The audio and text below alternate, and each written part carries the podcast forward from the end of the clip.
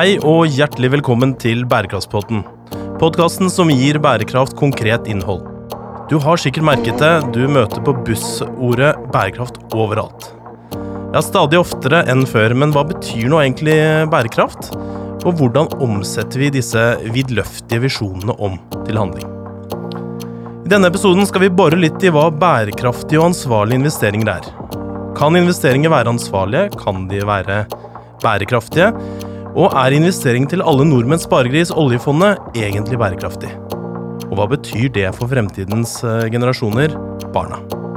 Mitt navn er Kim Gabrielli, og jeg er assisterende generalsekretær i UNICEF Norge.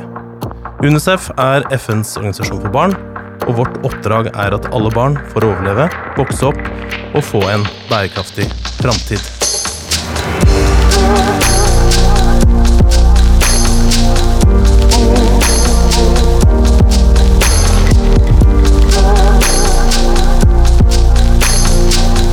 Velkommen til eh, Bærekraftspodden. Det er godt og varmt i studio, selv om snøen ligger i lufta. For å svare på disse spørsmålene så har vi med oss Lars Erik Mangseth, eh, som jobber med ansvarlig investering i Kommunal landspensjonskasse, altså KLP. Eh, velkommen til deg. Takk. Og vi har også med oss Asle Skreddeberget, som er mannen bak boka Usannsynlig rik. Historien om Norge og oljefondet. Og nå kommer det snart også en film om den samme boka, eh, sier du, Asle. Og til daglig så jobber du med strategisk kommunikasjon i eh, Yara, er ikke det riktig? Jo, det stemmer. Det stemmer. Så Norge har jo vært ledende på dette, men eh, jeg tenkte jeg skulle høre med dere, ja, hva er egentlig bærekraft for dere? For det er jo et stort ord, Asle, er det ikke det? Jo. Det er, Vil du begynne? jo, jeg kan godt begynne, jeg. Det, jeg tenker at det er Eller det jeg tenker på når jeg hører bærekraft, så, så er det langsiktighet, egentlig. Og kanskje det er tre på tre områder. Det er eh, selvsagt i forhold til miljøet. Um, og så, så må det også være bærekraftig for eh, bedriftene. Altså de må tjene penger på det. Uh, jeg mener at veldig mange løsninger ligger i næringslivet. Så, så det må være langsiktig bærekraftig for dem eh, økonomisk. Og så handler det om ressursbruken. Altså hvordan vi bruker ressursene på jorda. Vi har knappe ressurser. Så, så de tre tingene, miljø, ressursbruk og, og også økonomi, er, er sånn som jeg ser på det. Ikke sant? Og det er jo ofte den, eh, i hvert fall våre lyttere, vil jeg tro, er vant til å høre den definisjonen. Så Lars Erik, jeg kunne egentlig tenke meg å utfordre deg litt på hva er da bærekraftige eller ansvarlige investeringer? For da kommer vi jo litt nærmere hva det er. Du må gjerne si litt om bærekraft òg, Mm. men uh... Jeg kan begynne å si noe om bærekraft. altså jeg er Veldig enig med det Asle sier. Og så syns jeg ofte det er nyttig å skille mellom ordet bærekraftig utvikling, som selvfølgelig er det begrepet Brundtland-kommisjonen fikk på plass, og som jeg tenker er på en måte samfunnets mål da, rundt tilknyttet eh, utvikling. Og så er det begrepet bærekraft, som ofte brukes i mange forskjellige sammenhenger, men, men kanskje ofte blant bedrifter. Som jeg tenker at bærekraft må være bedriftenes svar på målet om bærekraftig utvikling. Og så har man begrepet samfunnsansvar også, som også kompliserer dette ytterligere. Men Hvis jeg skulle skille, gjort et skille mellom samfunnsansvar og bærekraft, altså, altså ansvarlige investeringer eksempel, og bærekraftige investeringer, så vil jeg si at samfunnsansvar, eh, samfunnsansvar og ansvarlige investeringer det knytter seg tradisjonelt sett egentlig til å redusere omdømmerisiko, til å kanskje også redusere finansiell risiko knyttet til investeringer, men ikke nødvendigvis at det må være slik at man bidrar til bærekraftig utvikling, selv om det ofte vil være et resultat av det.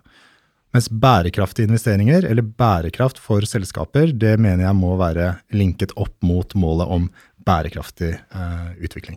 Jeg tenker, um, Hvis jeg kan bare skyte inn der, altså uh, ja, Forskjellen på bærekraft og samfunnsansvar, eller det man har sagt om corporate social responsibility, som er, og det ser jeg for meg, det er litt sånn um, Det er sånn som eh, kommunikasjonsavdelingen kan Mm. sitte og så kan lage en fin rapport, og så holder man på, det, på med det. Men jeg tror bærekraft nå, som det snakkes mye om er jo hva, hva man faktisk gjør i en bedrift. Altså, Har man knytta strategien opp til bærekraft? Mm. Altså det, er, det er når du får liksom integrert det i, eh, i virksomheten, det er da det har effekt. Mm. Eh, og det er forskjellen kanskje på å gjøre noe med det, eller bare snakke om det. Men er det altså, For ofte har vi jo tenkt på liksom, samfunnsansvar som at man gir penger til en organisasjon som UNICEF, da. ikke sant? Eh, og det vi vet, er jo at fortsatt så vil det koste utrolig mye penger da, få, at alle barn skal få utdanning og liksom alle skal få vaksiner. Uh, så, så, det er jo ikke en slags gammeldags uh, samfunnsansvar på et vis. Vi må mm. fortsette å gjøre det og, og liksom gjøre noe med hvordan bedriftene skaper pengene på. Det er egentlig det dere sier. Ikke sant? Ikke bare gi av overskuddet, men hvordan er det man jobber med dette i, eh, og investeringene da, eller er det sånn å forstå? Mm, altså Hvis eh, næringslivet skal være en del av løsningen øh, og, og, bidra til at vi får en bærekraftig utvikling, som bør også kjernevirksomheten og kjerneinteressene til selskapene også støtte opp under de målene. Um, og så er det fint med filantropi, og det bør uh, absolutt uh, næringslivet også fortsette med. Men hvis vi skal flytte de store, den store kapitalen og få de store kreftene bak de ulike utfordringene vi har med, med bærekraftig utvikling, både når det gjelder sosiale spørsmål og miljøspørsmål, så bør det integreres, som Asle sier, inn i kjernevirksomheten til selskapene for at det skal få en stor påvirkning. Da. Det, si, altså, utdanning er jo et ekstremt viktig tema. Altså Hvis du går til Afrika. Det, um, det å sørge for utdanning for, for barn og unge. Um, og så kan man Uh, som du sa, at man kan på en måte donere. Man kan, man kan gjøre det. Men hvis man f.eks. kan sette heller Altså gjennom hvordan man investerer, sette da en La det være en småbonde eller en entreprenør i stand til å uh, bygge en liten virksomhet. Sånn at hun eller han også kan sende barna på skole. Da får du jo mye mer varig effekt, da. Um, så det er kanskje forskjellen. At hvis du kan faktisk sette i gang utviklingen der, og ikke på en måte bare sende pengene, um, da, da, tror jeg du får, får den varige, varige, effekten. Men uh, Lars Erik, ikke, du jobber jo med investeringer til daglig direkte, gjør du ikke det? Uh, hva er en god dag, da? Hva, hva du, når har du gjort en ansvarlig investering hos dere? For det, vi er, det er fortsatt veldig overordna. Vi snakker om utdanning, og vi snakker om liksom, uh, at næringslivet må gjøre noe, men, men hva er det dere gjør da? Ja, altså en god dag. Um, jeg tror det er på, på, den ene siden så handler det om for oss å kunne um, sikre at de investeringene vi gjør, har en bedre bærekraftsprofil. Det er en stor del av arbeidet med ansvarlige investeringer. Og det kan jo være knyttet til å velge ut de riktige verdipapirene, altså riktige aksjene, riktige obligasjonene, som har en ønskelig eller bedre bærekraftsprofil. Eller ansvarlighetsprofil, kan vi også kalle det.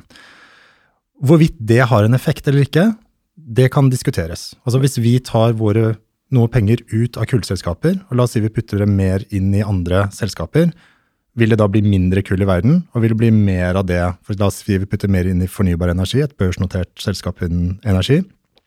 Vil det da bli mer energi bare fordi vi flytter disse aksjene? Det er veldig diskutabelt. Og som regel så tenker man at nei, det vil det nødvendigvis ikke bli, før det er en stor masse eh, med andre investorer som gjør akkurat det samme. Um, men samtidig så er det nok eh, nødvendig, for det er det vi trenger. Uh, for å kunne nå disse bærekraftsmålene og for å nå klimamålene, så må det bli mindre kull, og vi trenger mer fornybar energi. Og det er logisk at da man må jobbe med å flytte disse, denne kapitalen, og særlig kapitalen blant institusjonelle investorer som f.eks. pensjonsfond, som sitter med 100 trillioner dollar på bok. Så det er mye penger. Jeg tror mye av det arbeidet, hvis vi skal tenke ok, i hvilken grad vi kan ha en direkte påvirkning på selskaper og en direkte påvirkning på selskapers påvirkning på samfunn og miljø, så skjer mye av det arbeidet gjennom dialog. Uh, gjennom å uh, ha enten en direkte dialog med selskapene eller med andre investorer. Og vi jobber mye på den måten. Uh, et eksempel jeg kan dra frem, er at vi har jobbet en del med avskogningsproblematikk tilknytning til palmeolje. Og der har vi jobbet sammen med en, ja, 20 andre investorer internasjonalt, hvor vi har jobbet mot plantasjeselskaper i Indonesia og Malaysia for å få de til å uh, avstå fra å hogge ned ny skog og brenne uh, torv for å bygge nye plantasjer, som er utrolig viktig i forhold til klimarelaterte spørsmål. Og nå jobber vi også mot å påvirke bankene som låner penger til disse plantasjene, for å gjøre uh, akkurat uh, det samme. Så når vi har den direkte dialogen, så er det nok mer sånn sannsynlig at vi på kort sikt kan tenke at vi har en påvirkning, og sånn sett da en god dag på jobb. Men jeg tror også arbeidet vi gjør med å flytte pengene uh, fra de selskapene som vi kan si vi er temmelig sikre på ikke vil være en del av løsningen fremover, Og prøve å finne de selskapene eller sektorene som vil være det. Jeg tror det også vil være viktig, selv om det alltid kan diskuteres hva den kortsiktige effekten av det vil være. Ja, bare for å følge opp det. Jeg har jo vært eh, økonomijournalist i mange år. Og er det noe jeg lærte, så er det at eh, penger er makt. Altså penger er muligheter og makt. Um, og, det, og, det, det handler om da, tror jeg, altså, det handler om hvilke selskaper som får mulighet til å vokse. Altså, så det har noe å si hvor de pengene går. Um, for det er, det, det er, derfor vi har finansmarkedet òg. Altså, selskapene trenger penger til sine prosjekter. Og, og, det at det går penger til et solcelleselskap, er uh, Det driver verden i en bedre retning enn at det går masse penger til et uh, kullselskap. Og for, for, å gjøre det veldig konkret òg, altså i, i arbeidet med dokumentarfilmen om oljefondet, så, så fulgte vi et investeringsteam fra, fra New York-kontoret, som da også jobber i altså fremvoksende markeder. Uh, så vi dro til Mexico. Um, og så da fulgte de hvordan de besøkte et vannselskap. Altså, for det er noe med å vise at det, det som skjer i finansmarkedet, har faktisk veldig konkrete effekter på arbeidsplasser, på folk flest. Så de dro ned da og besøkte um, en fabrikk der for å lære mer om virksomheten. Uh, de var allerede investert der, så er spørsmålet om de skulle kjøpe mer. da. Uh, og så dro man ut og så hvordan disse vanntankene faktisk uh, blir brukt. For dette vann er et, uh, et, stort tema og et problem i Mexico. Og da begynner du å se liksom at oi, det, en investering fra Wall Street har faktisk har noe å si for tilgangen på vann for folk i Mexico City. Det vi, vi i UNICEF kjenner oss veldig godt i det, igjen i det. fordi at altså Vi anslår at rundt en milliard barn er påvirke av de globale verdikjedene, som f.eks. Mm, fabrikkene. ikke sant? Og mm. Eh, vi har jo, Finansbransjen har jo ofte tenkt på eh, barns rettigheter som det samme som barnearbeid.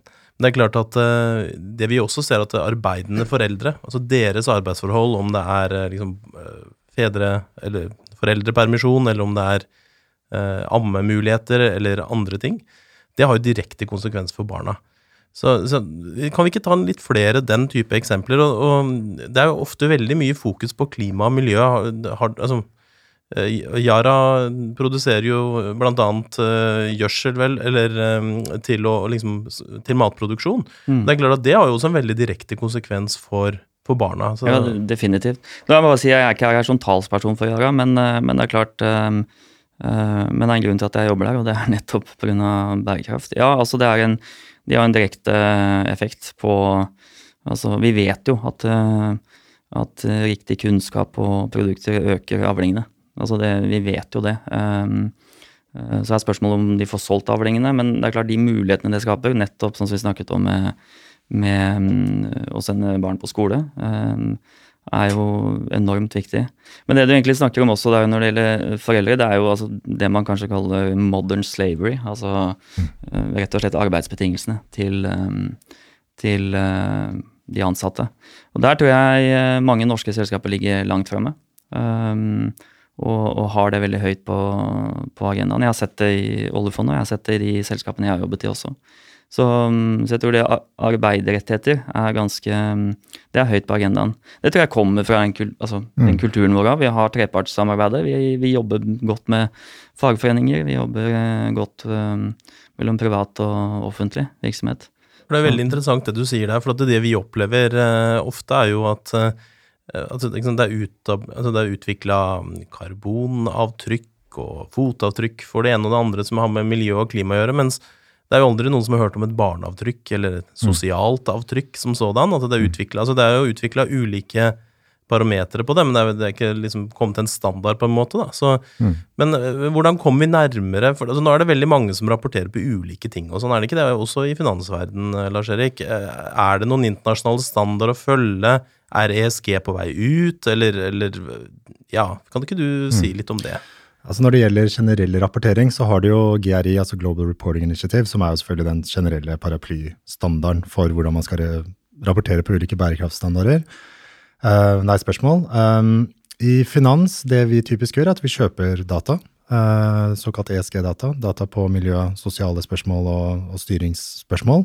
Og hvem, hvem, er det som uh, selger de dataene? Det er um, Sustainalytics er en stor aktør. MSCI er en stor aktør. Og så er det ISS, Ethics er noen andre. Um, ja, Og det, og det kommer flere og flere av disse selskapene nå. Det er et slags konsulentselskap, det da? Eller hvordan er det det fungerer? Jeg tror vi kan kalle det et ratingselskap. Så det Ja. du typisk vil gjøre, er å gå gjennom em, selskapers offentlige informasjon, som årsrapport og bærekraftsrapport, og lese på nettsiden, og så ut ifra det gjøre en vurdering på selskapets si, samfunnsansvarsprofil, eller bærekraftsprofil, hvis du ønsker å bruke det begrepet. Det som er en utfordring med det, da, for å ta det inn til eh, de, det du nevner med sosiale spørsmål, er at det blir ofte en sånn telle, form for tellekantsystem, hvor det du egentlig sjekker, er om uh, selskapet bruker de riktige ordene i kommunikasjonen sin, om de har policyer på plass, og, og, og om de har på en måte de riktige ambisjonene. Da teller man ofte har du en whistleblower policy, har du en policy for eh, antikorrupsjon, har du en policy på ditt og datt. Um, men hva de faktisk gjør, og hva slags påvirkning de faktisk har, det vet vi jo ikke. Og det er jo kanskje noe av problemet. Og hvis du tar og sammenligner med miljøet, um, så er det jo langt lettere, uh, enten i forbindelse med at selskapene kan f.eks. rapportere sine utslipp, og hvis de ikke gjør det, så kan du estimere det basert på den type teknologien selskapene har. Så hvis du har et kraftverk som ikke rapporterer eh, på utslippene, så finnes det metoder for hvor du kan gå inn og du kan se på hva slags type teknologi, du kan se på størrelsen, du kan se hvor det er lokalisert, og basert på det kan du få et ganske røft anslag på alle mulige typer luftutslipp, da, som partikler og CO2 og metan eller hva det nå enn skal være. Det kan du ikke innenfor Eller i hvert fall så, så, um, så langt vi har kommet nå, så klarer vi ikke det på de sosiale spørsmålene like mye. Kanskje bortsett fra kanskje uh, telle antall kvinner i styret, eller uh, ikke sant, den, uh, den type ting. da. Så jeg tror vi mangler mye kontekst rundt bærekraftsdataene. Um, kan vel si at man har kunnet telle Kanskje barnearbeid er et sånt eksempel man kunne telle Det er på et vis. Ja. Så det, det er klart at det gjør det jo tilsynelatende lettende- lettere. Nå er jo ingen av disse temaene lette, selv om Nei. det kan frem- fremstilles sånn. mm, Men, Eh, men vi har vel sett eh, over lang tid at liksom et selskap må jo ta mer ansvar altså nedover i verdikjeden. Hvor er det de kjøper f.eks. klærne fra? Altså hvordan blir de produsert?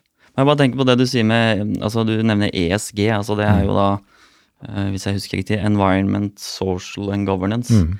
Eh, For det snakkes mye om SDG-ene, bærekraftsmålene, mm. men, eh, men jeg oppfatter vel at ESG er noe som kommer veldig.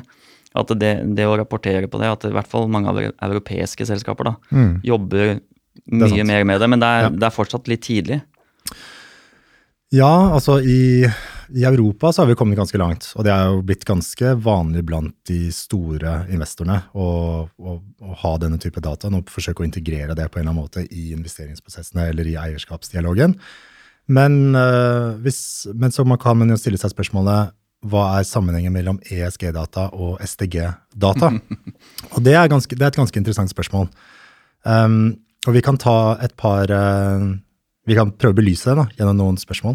Um, hvilket selskap tror du er mest bærekraftig? Scatec Solar eller Equinor?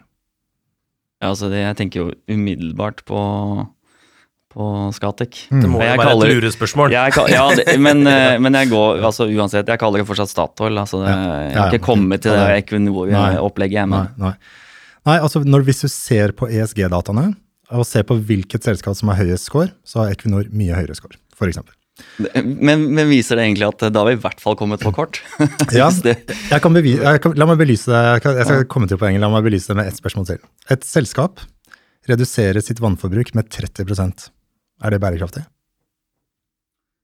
At- ja, det kommer jo kommer an på hvor mye du bruker, da. Men eh, ja, vann, eh, vann er et kjempeproblem. Mm. Men det er lurespørsmål igjen, Hvor, ser- hvor, hvor det er, kanskje? ja, jeg Norge ser, men jeg ser det på det der lure smilet at eh, dette er lurespørsmål. Men ja, det er i hvert fall Om ikke annet så er det et steg i Det er ansvarlig. Det, er, det er riktig. Det er det. Men uh, det, dette belyser litt av utfordringen med ESG-data. Nettopp det at Til første poenget, Scatec Solar versus eh, Equinor. altså ESG-dataene ser veldig mye på intensjoner og prosesser. Er de gode på å rapportere, har de policyer på plass?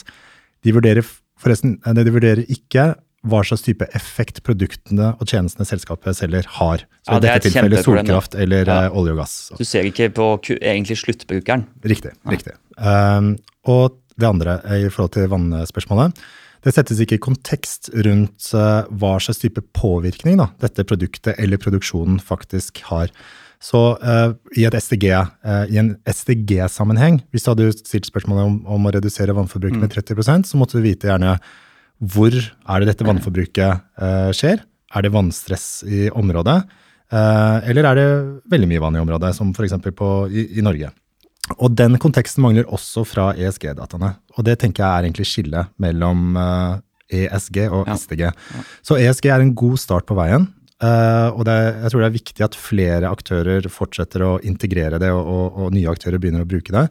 Men vi må også hekte på dette SDG-perspektivet ja. mm. for å få liksom, det fulle bildet. Da. Absolutt. Ja, nå leste jeg her i Dagens Næringsliv alle steder at, eh, at det eh, det er en stor diskusjon rundt dette med rapportering, og liksom forskjellen på rapportere og impact. Altså, jeg vet ikke, mm. Er det et bedre ord for det? Fins det noe bedre ord? Jeg, jeg, har ikke klart å finne et godt norsk ord for impact. Kan ikke si påvirka? Eller, på, påvirkning, ja. Si påvirkning, ja. ja. Jeg tenker det. Men i hvert fall, altså, altså hvor man da hvor det, man, liksom, Børsen har gått gjennom, og The Governance Group, tror jeg de heter, har gått mm. gjennom de 100 største, altså på, på børsen mm. i Oslo, da, og, og, sett liksom hva er de rapporterer på, hvem er det som kommer best ut. Uh, Equinor er vel en av de som kommer eh, mm. best ut, mens mm. andre, apropos det spørsmålet, de kommer lenger ned. De har jo 20 folk som bare sitter og rapporterer vet, og mm.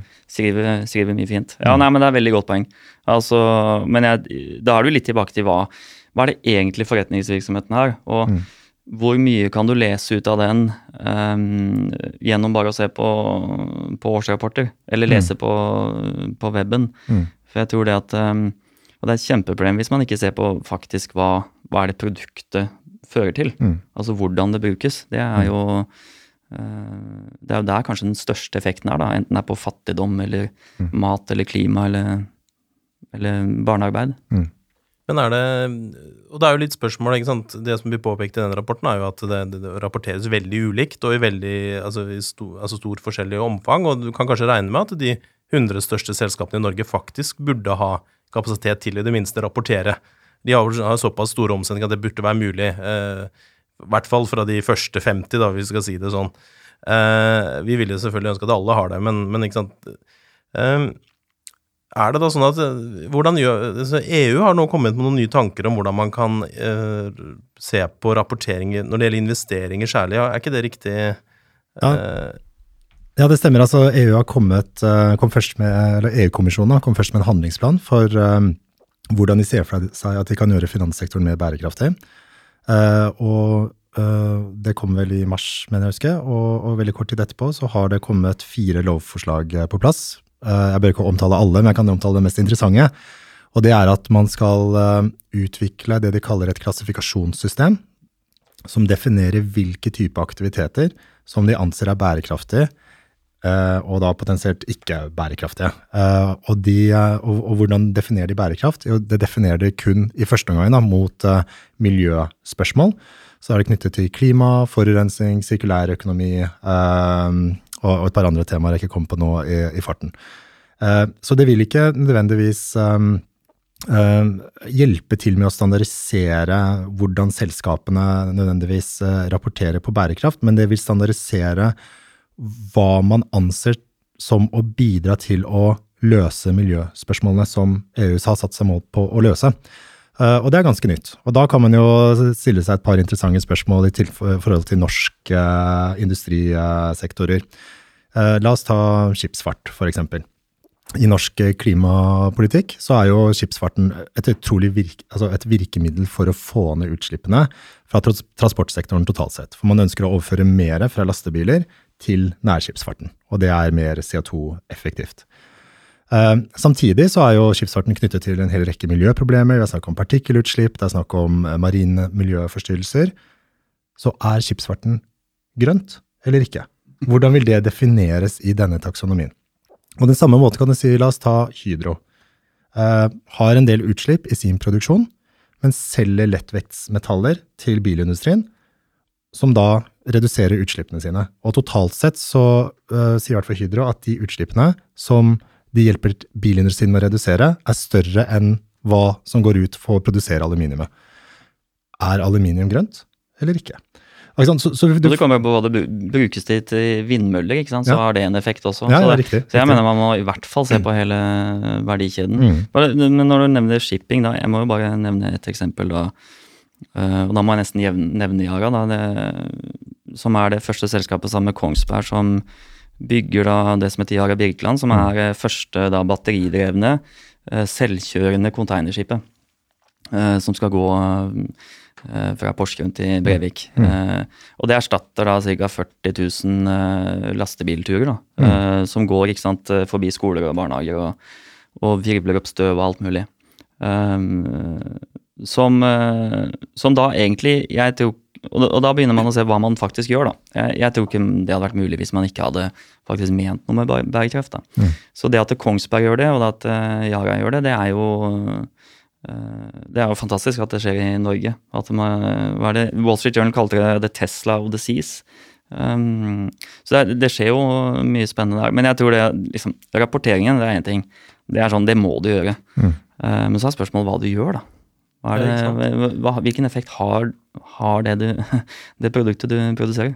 Ja, hva, hva gjør eh, shippingbransjen, da? For å, det, det er jo et et veldig viktig tema for Norge, som er det fjerde eller femte største uh, i, i verden, er det ikke det? Uh, Niende største skipseier. Uh. Jeg har gjort dårlig bakgrunns... Eh, eh, Jeg så på de tallene for to uker siden, så Ja, det er derfor jeg visste det. Jeg er ikke noe Så sånn. Eh, nei, hva, hva, hva skipsfarten gjør? Altså. Altså, for, liksom, nå hørte vi et eksempel her på hvordan Yara da samarbeider Ja. altså, mm. i den bransjen, men, men eh, hva med rederiene selv? Uh, Jeg vil si det på den måten her, at det er noen som Det fins noen virkelig interessante flaggskipprosjekter hvor dette er et av de mest interessante i hele verden, eh, det Yara gjør. Autonome skip, batteridrevent. Hvis alle skip blir bygd på den måten her, så har vi en bærekraftig skipsfartindustri. Det er det ingen tvil om. Eh, og det finnes et par andre eksempler. Eidesvik uh, de lanserte jo det første uh, var det hydrogendrevne skip i 2009 under klimatoppmøtet i 2009. Har gjort veldig mye på det senere.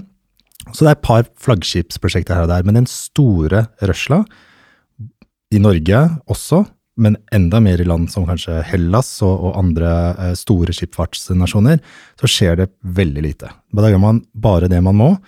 Eh, og, og det store hodebryet for eh, skipsfarten nå, det er jo denne introduksjonen av disse svovelkravene, som betyr at man ikke lenger kan bruke tungolje i sin Mm, nåværende mm. form.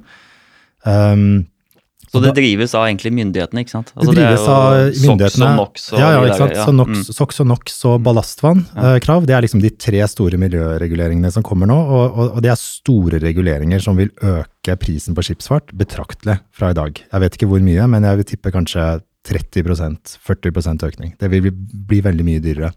Um, og så er det jo sånn at hvis shipping skal bli en del av løsningen, hvis den norske, den norske maritime næringen skal på en måte øke sin grønne konkurransekraft, så tror jeg de må finne måter å gjøre den type skip da, som Yara eh, bestiller, konkurransedyktig og etterspurt i markedet. Uh, og det kan virkelig da uh, gjøre, altså få næringen til å uh, få en mye større påvirkning, men potensielt også kanskje få en vekstmulighet da, uh, fremover. Men det, er, um, det som er litt interessant med det, når det er sammenligna med, med shipping generelt, så det man ser i mange næringer, er at det, altså det man kaller disrupsjon eller disruption ja, Har vi noe godt norsk ord? Det, Ja, det kommer ofte utenifra. Det, det er ganske interessant. Eh, det er én ting jeg husker fra Jeg hadde økonomisk historie på, på Handelshøyskolen. Og apropos shipping. Uh, norsk shipping de var jo de var en ledende seilfartsnasjon. Og så kom overgang til damp, men den, den catcha vi ikke helt. så, så der var vi totalt parkert. Og så, men så var vi kjapt ut på motor, da. Altså Mm. når det gikk over til, eh, til eh, dieselmotoren. Mm, mm, Eh, og så kan det jo hende at man da bommer på batteri, da. Mm. Eh, at det er andre som, som driver det. Men jeg tror det det man ser i veldig mange bransjer, er at det Altså Ja, rett og slett, et shippingselskap konkurrerer ikke nødvendigvis bare mot et shippingselskap. mm, mm. Jeg har litt lyst til å dra det tilbake igjen til, eh, til ansvarlige investeringer. Eh, dere begge to er jo utdanna ved de, liksom, som de viktigste høyborgene for økonomer i Norge, BI og NHH, så jeg regner med her har dere gode svar. Eh, Høyborger, altså. Det, er det ikke det, da? Um, jeg, jeg lurer litt på fordi, så Nå har vi snakka litt om shipping, men hva skal egentlig til? da? For det er noen av investorene nå som begynner å stille litt krav, f.eks. på sånn som uh, opphugging av skip på strender i Mm. Bangladesh og India. Noe som er viktig for barna også, fordi det er, mange, det er mye barnearbeid, men det er selvfølgelig også mange miljø... uh, altså Mm. konsekvenser Mm. av dette, og det er mange, mange andre uh, Så der kommer jo på en måte miljø og sosiale forhold sammen. da, men mm. Men nå er det noen, eh, noen av investorene som har begynt å sable litt med Hva er det heter for noe? Ri, eh, Rasle med sablene. rasle med Ja, altså. Jeg prøvde meg på et, et, Aldri en god idé hvis Ja. man ikke kan det. Ja. Eh, Nei, men det, er, det, er veldig, det er veldig godt eksempel. Eh, hvis jeg går tilbake til det jeg har gjort nå med oljefondet, og, og, og sett hvordan de jobber, så, eh, så er det selvfølgelig mye, mye man kan si om etikkarbeid, og det er sikkert, de kunne sikkert gjort mye mer. Men, eh, men de så konkret på dette med, med beaching, ikke sant? altså at man eh, bare kjører de opp på stranda, ikke sant. Um, og da ja, kontaktet ski- Skipa, altså. Ja, skipene, ja. Mm.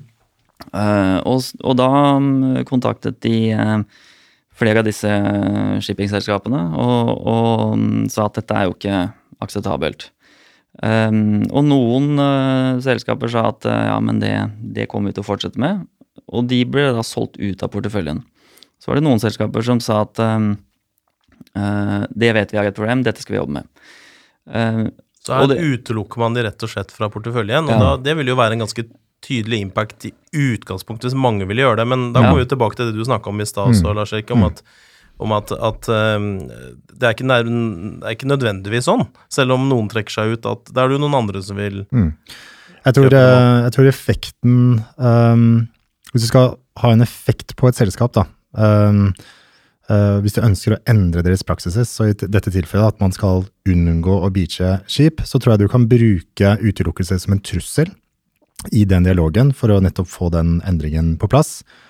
Hvis man ikke får det, og skipet blir utelukket, så tror jeg det har litt marginal effekt, med mindre du får denne massive dominoeffekten som vi egentlig ikke har sett så langt av meg bekjent, bortsett fra Sør-Afrika, apartheid-boikotten, som ofte dras frem. så. Liksom observasjon er liksom bedre. Det er gjerne det oljefondet eller NBIM snakker jo da, investeringsmanagementet deres snakker jo ofte om Mm. at det er bedre å sette det, det liksom under observasjon, og sammen med et Mm. etikkråd, selvfølgelig. Eh, Jeg tror det kan være lurt, men jeg tror eh, hvis du tar uh, beaching-spørsmålet, så tror jeg det er andre ting man også kan gjøre. Og jeg tror, har veldig tro på dialog i dette, eh, i dette spørsmålet. Eh, vi, også, vi i KLP har også utelukket eh, selskaper på lik linje som, uh, som eh, NBIM. Um, jeg har tro på at man f.eks. kan ta en direkte dialog med selskaper. Og rederier i Norge de ønsker ikke å få ansiktet sitt på forsiden og være knyttet til dette. dette er, det er en ganske klar norsk holdning eh, rundt dette.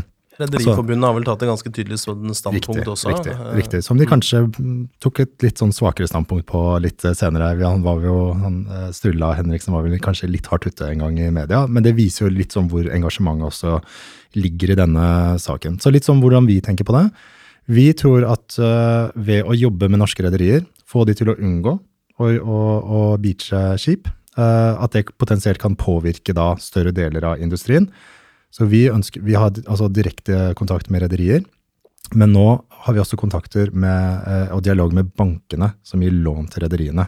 Og hvis vi kan pushe litt fra flere kanter samtidig, så tror jeg eh, det er mer sannsynlig at vi kan få eh, endring i praksiser. Og da kan man kanskje skape en reell endring ved å endre dette tilbud-etterspørselsproblemet. altså det, jeg tror det er to tredjedeler av alle skip som skrapes i dag, skrapes i, i, i Bangladesh og Pakistan eh, på denne type verft. Eh, Så, så hvis man bare kan fjerne noe av den, eh, det, den eh, etterspørselen, si, eller tilbudet til de verftene, så tror jeg faktisk man kan en eh, få til en endring på ordentlig. Det, det- er jo et godt eksempel på at eh, penger er makt. da. Altså, Mm. For det det betyr for et sånt selskap, hvis banken også er med på det, og investorene tenker på det, så, så blir det jo dyrt, dyrere for dem å finansiere Mm. rett og slett driften. Rett og slett. Og da begynner de å kjenne det på, på bunnlinja eller lommeboka. Mm. Og, da, og da blir kostnaden ganske høy for de, og da må de Så det blir litt sånn pisk og gulrot. da. Mm. Du må ha gulrot for de som er endringsvillige, og så Mm. må du piske litt i de andre. Ja, og dette, altså, Vi ser jo også på det i, i vårt arbeid, hvor, hvor, man, hvor vi også har en dialog gående f.eks. med Rederiforbundet, som, som jeg opplever som, er fra, altså fremover eh, interessert i å se på disse mulighetene. Jeg tror det er riktig at hvor flere aktører som kommer sammen om disse tingene. Og så er det jo én ting at penger er makt, men mennesker er jo også makt, er det, heter det vel i en annen podkast. Mm. Så, så jeg tenker liksom det er um, Hvis vi klarer å finne de forholda sammen, så, så er det en, en god start. Um, men nå har jeg lyst til å Vi må ha litt tid til å snakke om Norge som finansmakt. Mm. Um, og da har jeg en, et lite sitat her som jeg tenkte jeg skulle gjette om dere vet hvor det kommer fra. Um, En sjarmerende og modig hovedperson som løser saker og jakter på skurker i høyt tempo. Ja, hvem kan det være, tro? Har en mistanke. Du har kanskje det? Har du noen mistanke, Lars Erik? Jeg vet ikke om jeg tør å gjette. Nei, jeg, det, er, det, er, ikke Slyngstad, altså. Det er ikke Jeg, kan, det er det ikke. Det er ikke det. det, er, vi skal til en roman. Vi skal til en roman, For du er også kriminalforfatter. Ja, Stemmer det. Ja. Mener du at du ikke har lest bøkene mine, altså? Dette er, dette er sjokkerende. jeg leser for mye, Asle. Ikke... Krimboka 'Smertehimmel'. Mm. Eh, jeg tenkte at eh, altså beskrivelsen altså, Det handler jo om dette å, å jakte på skurker. Um, og, og vi, vi, liker jo å se på oss sjøl som litt eh, ranke og rene her i Norge. Men, men, hvordan står det egentlig til med oljefondet? Vi får alltid høre hvor bærekraftig det er, men det er jo lett å være navlebeskuende når man er nordmann, og vi alle sammen på en måte ja, Er det en million vi eier hver? Eller, altså det, nå er det, oljefondet er vel nå rundt 8000 milliarder i, i, i markedsverdi og investerer i 9000 selskaper. Et stem, altså litt over 1% av verdens ja. altså børser, mm. børsers aksjer osv. osv. Nå må du fortelle oss mm. litt om denne dokumentarfilmen, for det her blir spennende. ja, altså det er en uh, Nå er det en internasjonal dokumentar, så det er ikke, men den kommer til å gå på NRK og de andre nordiske kanalene og, og en del andre steder i verden. Um, og det begynte egentlig med en sånn historie om uh, oljefondet. For det, det, er en veldig sånn Det er en spesiell historie. Altså det er folk der ute Uh, skjønner det ikke helt. Det er liksom verdens største demokratiske fond. Så i USA tenker de at det er reinspikka kommunisme.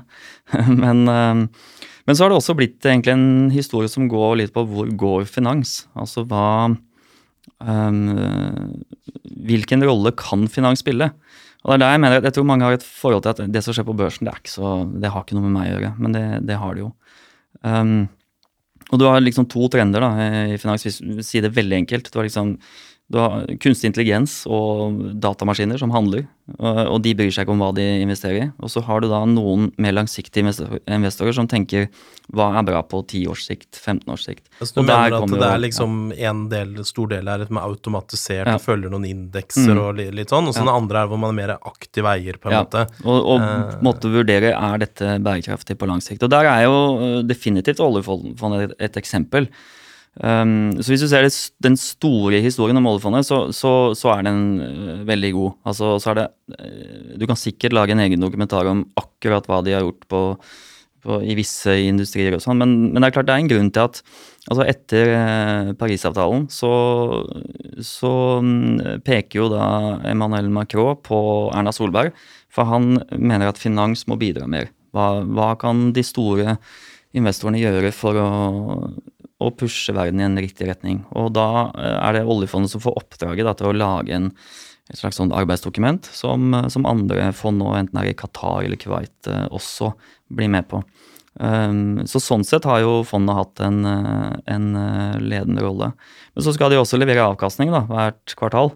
Så, så det er jo den der kortsiktig, langsiktig som er, er vanskelig.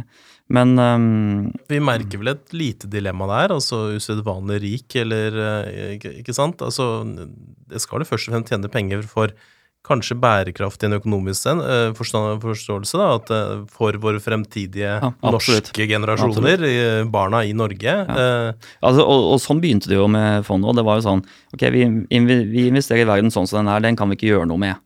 Det var liksom holdningen. Og så har man skjønt at ok, vi har så mye penger, vi må kanskje mene noe um, om hvordan vi bruker de, de, pengene. Så sånn sett er de blitt uh, mer aktive, og det tror jeg er i tråd med hva vi nordmenn uh, tenker også. Det er ikke, altså uh, Vi har ikke så lyst til å være investert i palmeolje eller de store kullselskapene. Um, så, så de er nok en de tar jo en mer aktiv rolle, og også i, også i debatten. Altså, de har aldri snakket så mye om klima som de siste årene. Jeg, altså, jeg begynte med boka, så var det da var det sånn ikke De skulle ikke gjøre noen ting. altså Finansdepartementet er jo ekstremt konservative. Um, men nå ser man at det er ikke noe sånn snillhetsprosjekt. Uh, det er liksom hva um, Er det lurt å Altså uh, Det var en reell klimarisiko ikke sant, å investere i kullselskaper, så da um, har man tatt det ut. Uh, og det gjør man på, på bakgrunn av en økonomisk eh, begrunnelse, men, men det har en, eh, en, miljøeffekt også. Jeg vet ikke hva du tenker om, om det? Jeg kan jo i hvert fall begynne med å si at uh, det er mer og mer bevis nå, uh, statistisk bevis, for at det er lønnsomt å, å investere i de selskapene som har god uh, ESG-rating, eller god rating på, i forhold til sånne ansvarlige investeringer.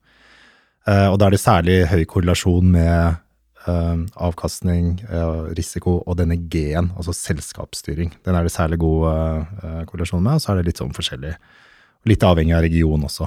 Som regel god korrelasjon, bedre korrelasjon i Europa Nord-Amerika enn Japan. Så det, er, det, gir mer og mer forretningsmessig du har, du, har, du har, mye mer insentiver da, for å kunne forstå dette bedre og investere. Og innrette investeringene i, i henhold til det.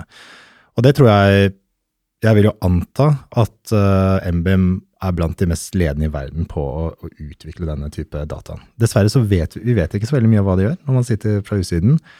Um, men de har mye ressurser, de har mye folk, um, og de er veldig langsiktige uh, i, uh, i, perspektivet sitt. Um, og så i forhold til akkurat det der med å selge seg ut av kull, da, hvis det var det du tenkte på.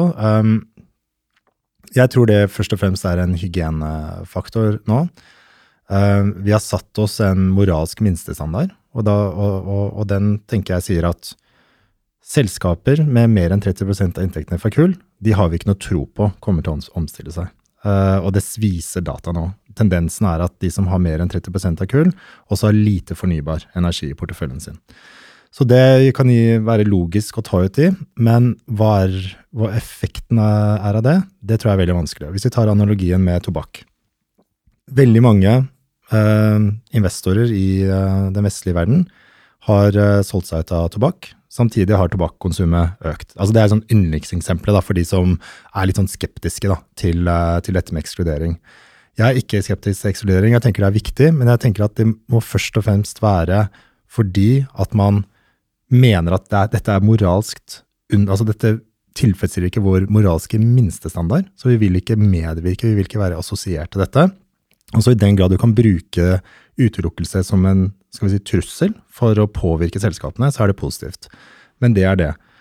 Ønsker man å virkelig ha en uh, påvirkning utover det, så tenker jeg at det må skje ved hjelp av en del andre mekanismer, som dialog med selskapene, som det å kunne flytte større deler av kapitalen over til de uh, uh, bedriftene og virksomhetene som man ønsker. Og det er, det er bare ett unntak for det, og det er det der Vestment-kampanjen alltid bruker. Alltid ble utfordret på. Og I mine tidligere jobber så jobbet jeg akkurat med dette det Vestment-spørsmålet. og Vi ble alltid utfordret på hva er effekten av det. Og det eneste vi kunne si da, var bare ok, hvis nok, hvis boikotten blir stor nok, så hvis nok investorer selger seg ut av kull f.eks., så kan man se for seg at man kommer til et punkt hvor kapital, altså finansieringskostnadene eller kapitalkostnadene til det selskapet øker, til det punktet at de ikke kan bygge nye kullkraftverk. Har man sett det skje før?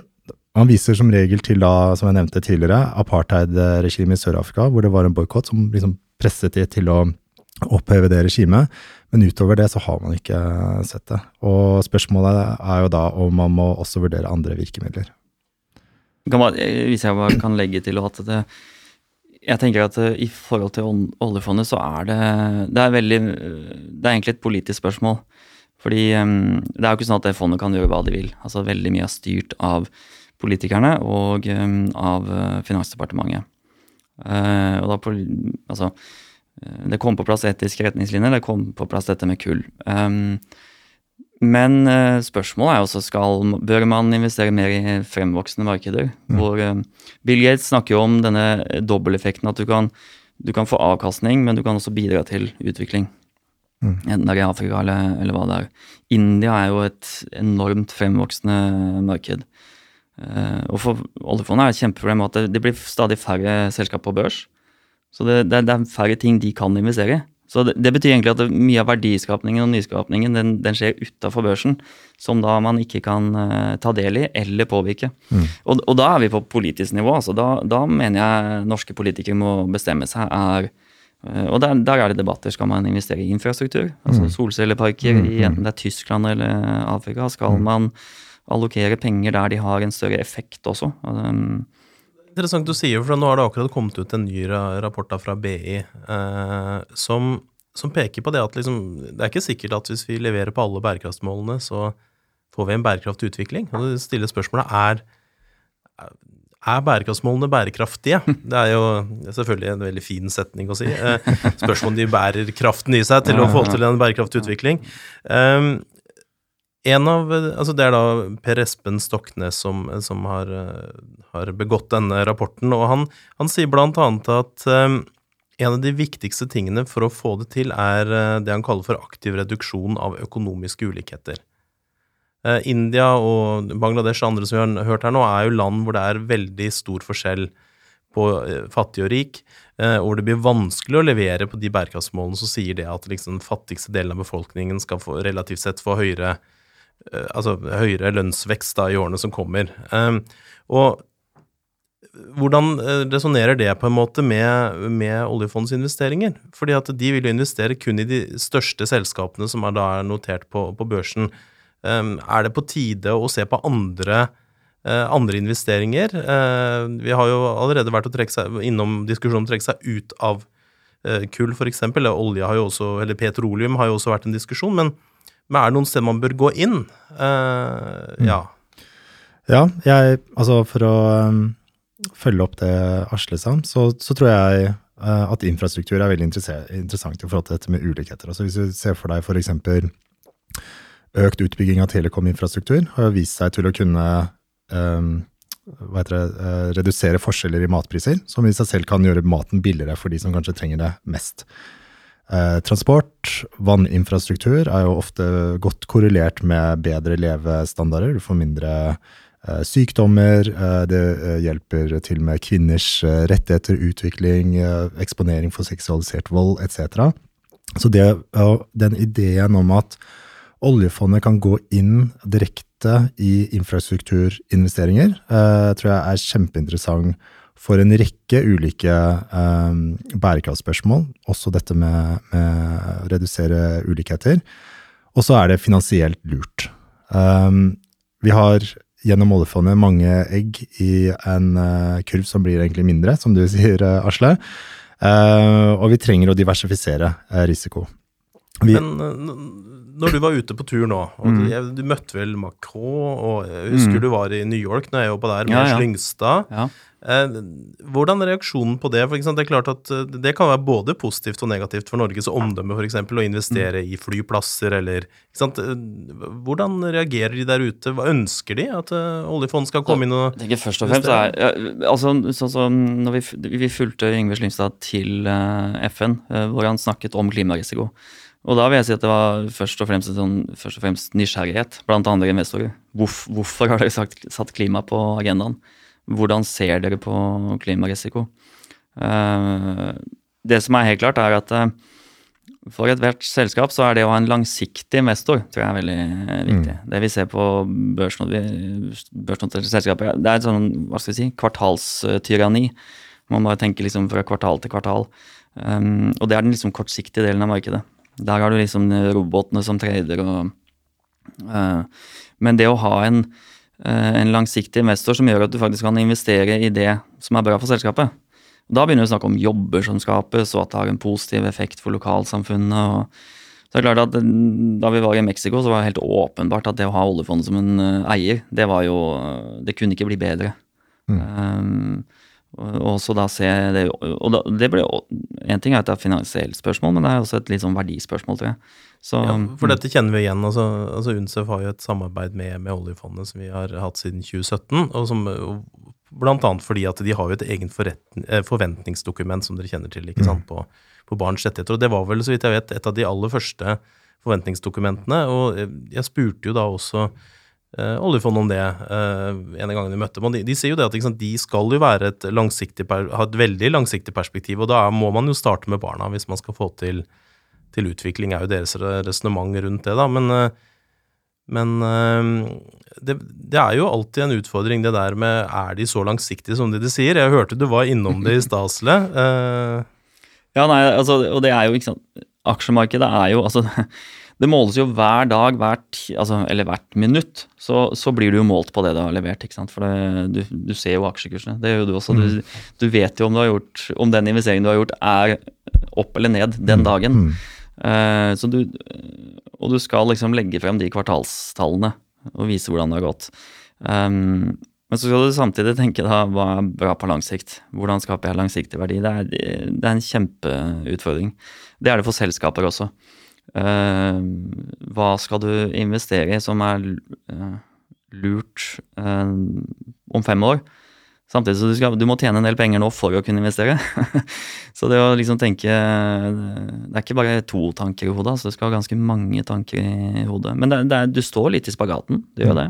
Det er vel litt tilbake til det som du snakka om i stad, kanskje også, Lars Ekke, om, om liksom påvirkningen av En ting er selvfølgelig omdømme osv. når man rapporterer, men også mm. påvirke, den reelle påvirkningen på mm. bakken. Mm. Mm. For den har jo gjerne langsiktig virkning. Ja, absolutt. Uh, Absolutt. Og jeg tenker sant, den effekten når vi snakker om bars, barns rettigheter, eller dette med uh, sosiale ulikheter, eller inntektsforskjeller også Utover dette med å investere i infrastruktur, så kan også oljefondet, og det tror jeg de gjør i en stor grad allerede, også jobbe med å påvirke de selskapene som de har investert i. ikke sant? At man har riktige arbeids, gode arbeidsforhold, at man har gode levelønnsvilkår, at man sikrer at flere kvinner kommer inn i lederstillinger og, og rett og slett uh, bidrar til utdannelse. ikke? Altså, de kan jobbe med selskapene sånn direkte også.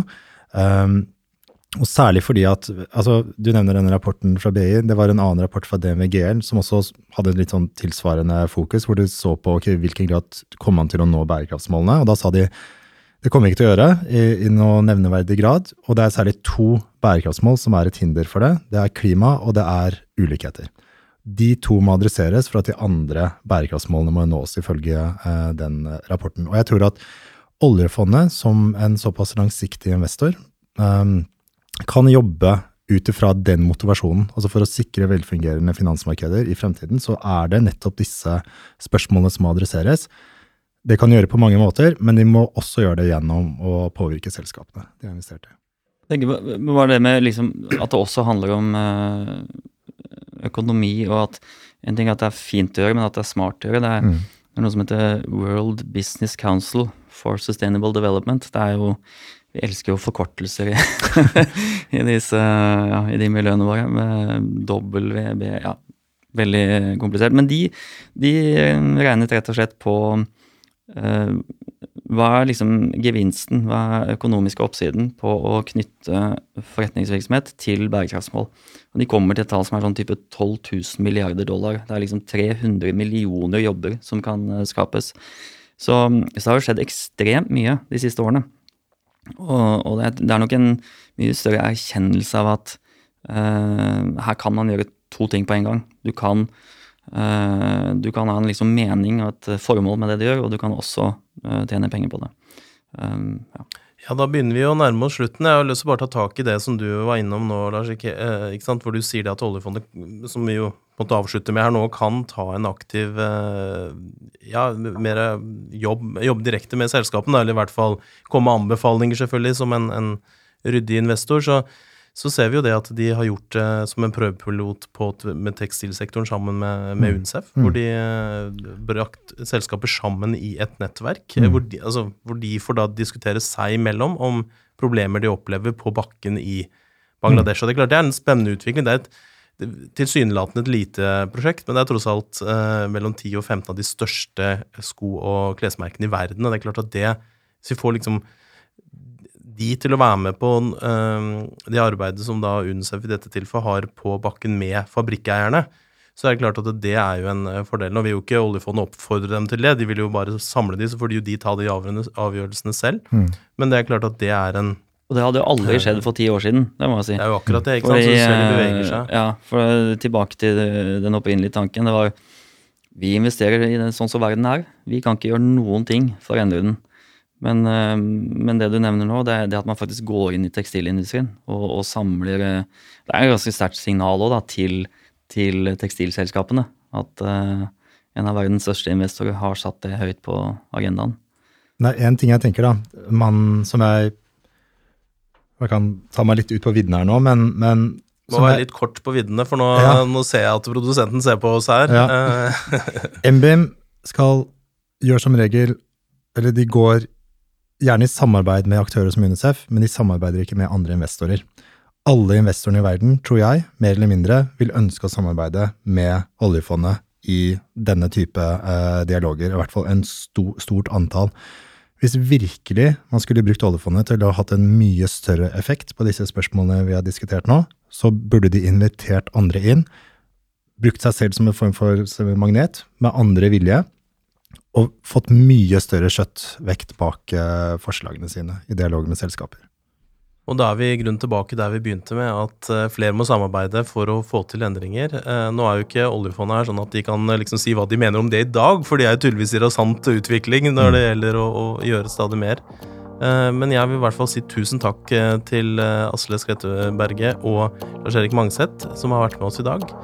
Hvis dere vil lære mer om UNCEF sitt arbeid på bærekraft, så kan dere gå inn på uncef.no slash bærekraft og dere vil høre mer fra oss i tida som kommer. Takk for nå.